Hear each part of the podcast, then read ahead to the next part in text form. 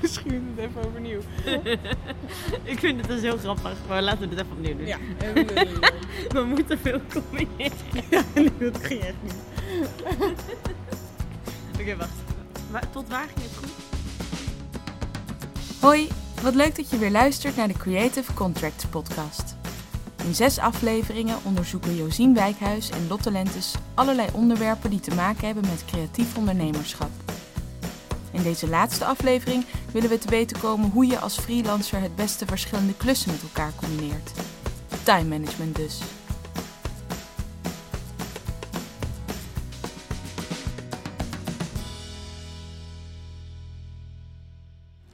Josien, waar zijn we? Op Amsterdam Centraal. Amsterdam Centraal het is. En waarom zijn we hier? Omdat jij verhuisd bent. Dat klopt. Nee, Dat grapje. Eh, omdat ik in Amsterdam moest zijn voor een vergadering. En jij in Haarlem? Was je in Haarlem? Ik was in Haarlem, ja, vandaag. Ja. En toen... Nou, dit was het handigst uiteindelijk. Want we hebben elkaar al heel lang niet meer gezien, hè? Echt veel te lang. Veel te lang. En nu hebben we elkaar gezien. We hebben namelijk net een uurtje bijgepraat in de eerste kroeg naast het station. Omdat ik snel weer terug moest zijn op het station. En nu moeten we ook nog een introductie opnemen. Ja, het komt wel mooi uit. Het is wel... Ik zie mezelf de hele tijd ook in de spiegel. We staan tegen een spiegel aan. Ja, we staan een beetje in een, eh, in een hoekje op Amsterdam Centraal in de hoop dat niemand ons gaat onderbreken in onze introductie. Er kijken wel heel veel mensen alsof ze dat heel graag willen doen de hele tijd. Dus even wil ik komen vragen wat we aan het doen zijn. Maar we hebben elkaar ook al eh, lang niet meer gezien omdat het heel druk is, toch? Ja, het is altijd allemaal heel druk. Ja, eigenlijk mogen we dat niet meer antwoorden op de vraag hoe gaat het, maar we doen het toch. Ja. Ja, het is meestal toch wel het eerste wat in me opkomt. Want waar, met hoeveel verschillende klussen ben jij momenteel bezig? Och, ehm, Naar schatting? even kijken. Grote dingen. Zeg maar grote, niet doorlopende dingen. Een stuk of vijf, wil ik zeggen. Ja, vijf. Ik ook zoiets, denk ik. En Ja. daarom staan we dus nu op Amsterdam Centraal deze introductie op te nemen. Ja. Over het algemeen kunnen we wel stellen, allebei, dat wij niet zo. Eh, dat tijdsmanagement niet onze sterkste punt is. Ja, ofwel, want we kunnen dit mooi even... Dit, is- dit is heel erg productief, wat we nu aan het doen zijn. Dit is heel productief. Ja, Maar je hebt gelijk, dat het nodig is, is een indicatie. ja. Maar ehm, omdat we daar niet zo goed in zijn, wilden we een podcast maken over combineren. Of ja, werk combineren, al je klussen als freelancer combineren. Of in het geval van Quirijn, die we gesproken hebben, een gemeenteraadsfunctie combineren met creatief freelance werk. Ja. Daarom waren we op bezoek bij Quirijn. Mijn naam is Kuran Okker en ik ben eh, freelancer of ZZP'er, hoe je dat ook wil noemen. Eh, en ik werk als eh, producent, als dagvoorzitter slash presentator van allerlei dingen. Eh, ik geef trainingen op het gebied van seksuele diversiteit en alles wat daarmee te maken heeft. Ik ben, en daarnaast ben ik gemeenteraadslid in de prachtige gemeente Nijmegen. Je hoort het al. Quirijn doet een hele hoop verschillende dingen. Maar het begon allemaal bij Theater aan Zet, een theatergroep uit Nijmegen die sociaal-artistiek theater maakt. Over thema's die net wat ingewikkelder liggen om te bespreken. Ik had niet zo'n zo'n uitgestippeld pad of zo. Ehm, het voordeel was, ik werkte al. eh, ik werkte gewoon naast mijn studie in de kroeg.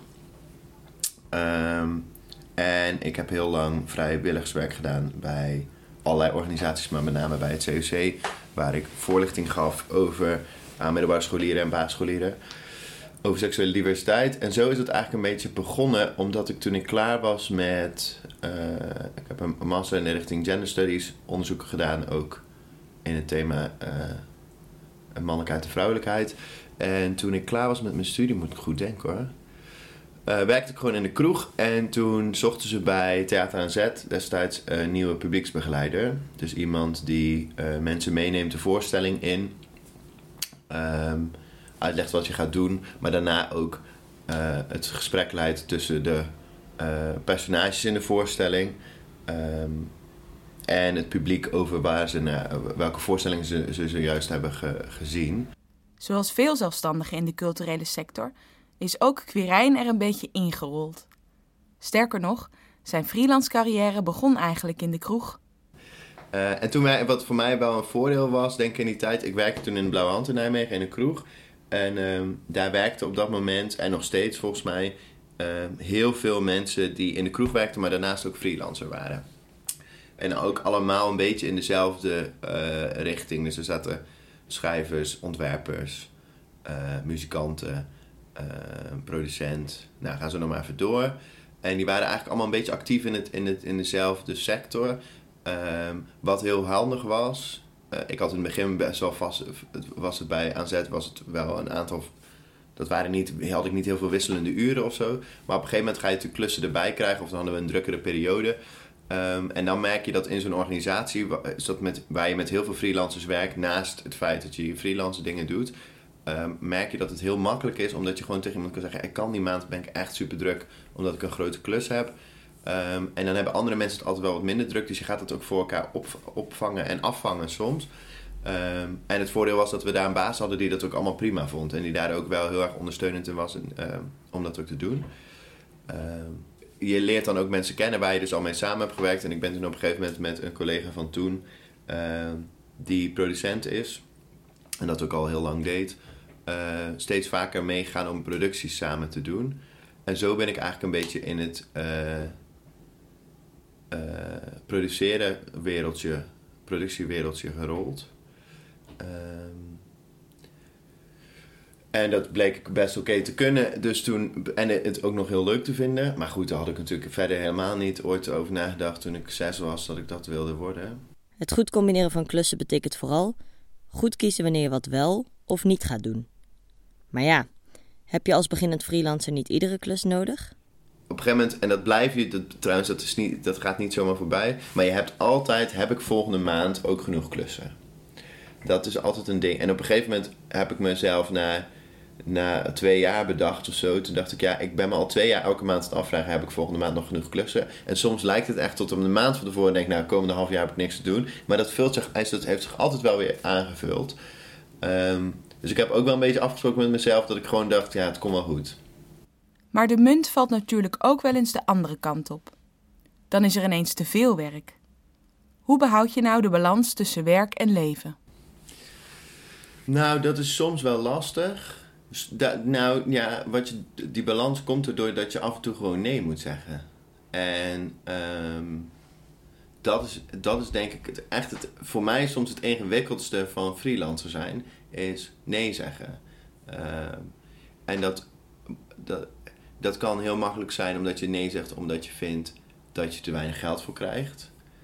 Um, nou, zo heb ik ooit een hele wijze les geleerd van iemand die zei: als je ergens te weinig, als je ergens geen zin in hebt, dan moet je er zoveel geld voor vragen dat je zin in krijgt. Dat heeft namelijk, of, of ze geven het niet en hoef je het niet te doen, maar dat is niet erg, want je had er toch geen zin in. Of je krijgt er zoveel geld voor dat je denkt, nou, vooruit dan maar. Um, dat op zich is dat wel iets wat je soms in je hoofd moet doen. Tegelijkertijd moet je ook altijd afvragen, als je, ook als je het geld heel hard nodig zou kunnen hebben, als het echt iets is waar je het enorm tegenop ziet, um, dan moet je het volgens mij niet doen gaat het uiteindelijk dan toch om de drie P's: plezier, prestige en pegels. Zeker als het gaat ook over betalen en zo. Want uh, soms doe je, werk je met een dagprijs, soms werk ik met een uurprijs, soms doe ik gewoon zoiets uit natte vingerwerk.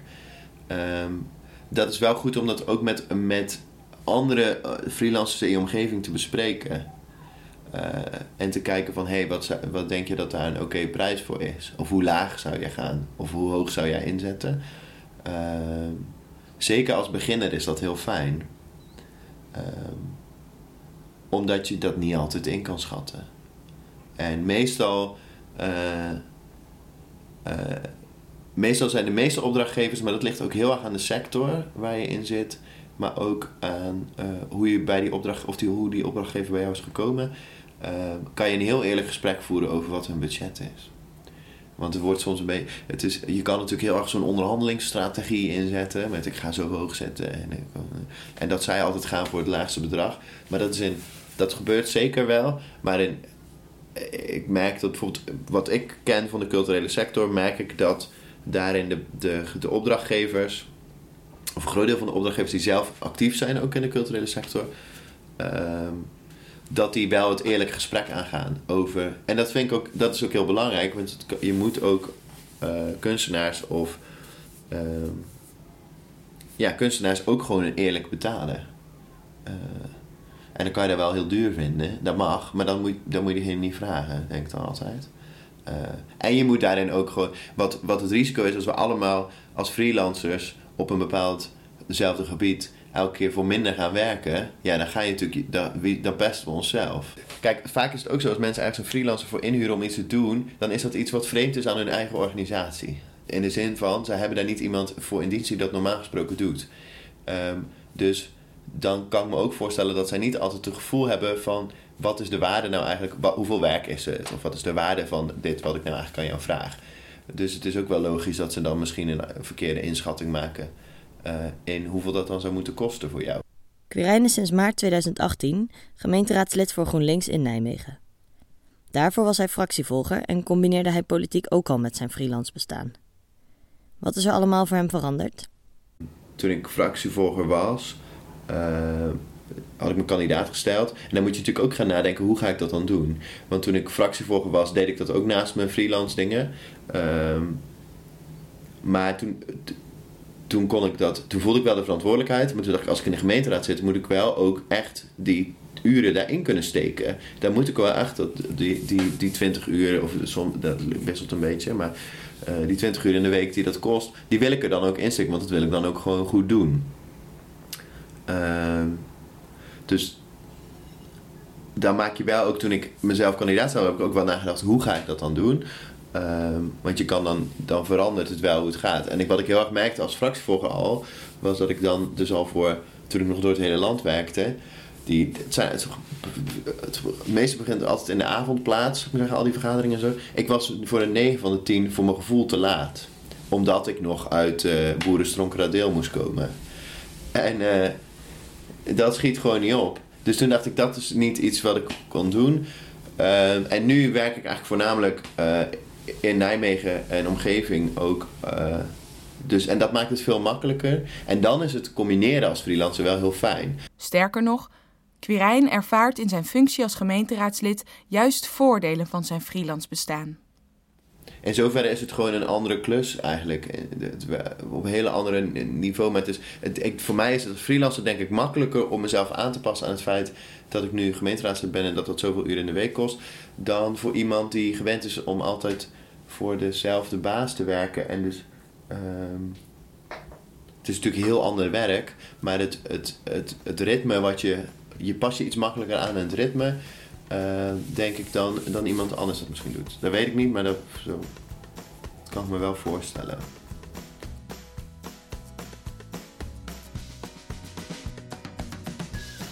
Je luisterde naar de zesde en laatste aflevering van de Creative Contracts podcast, gemaakt door Lotte Lentes en Josien Wijkhuis. Met dank aan onze gast, Quirijn Lokker.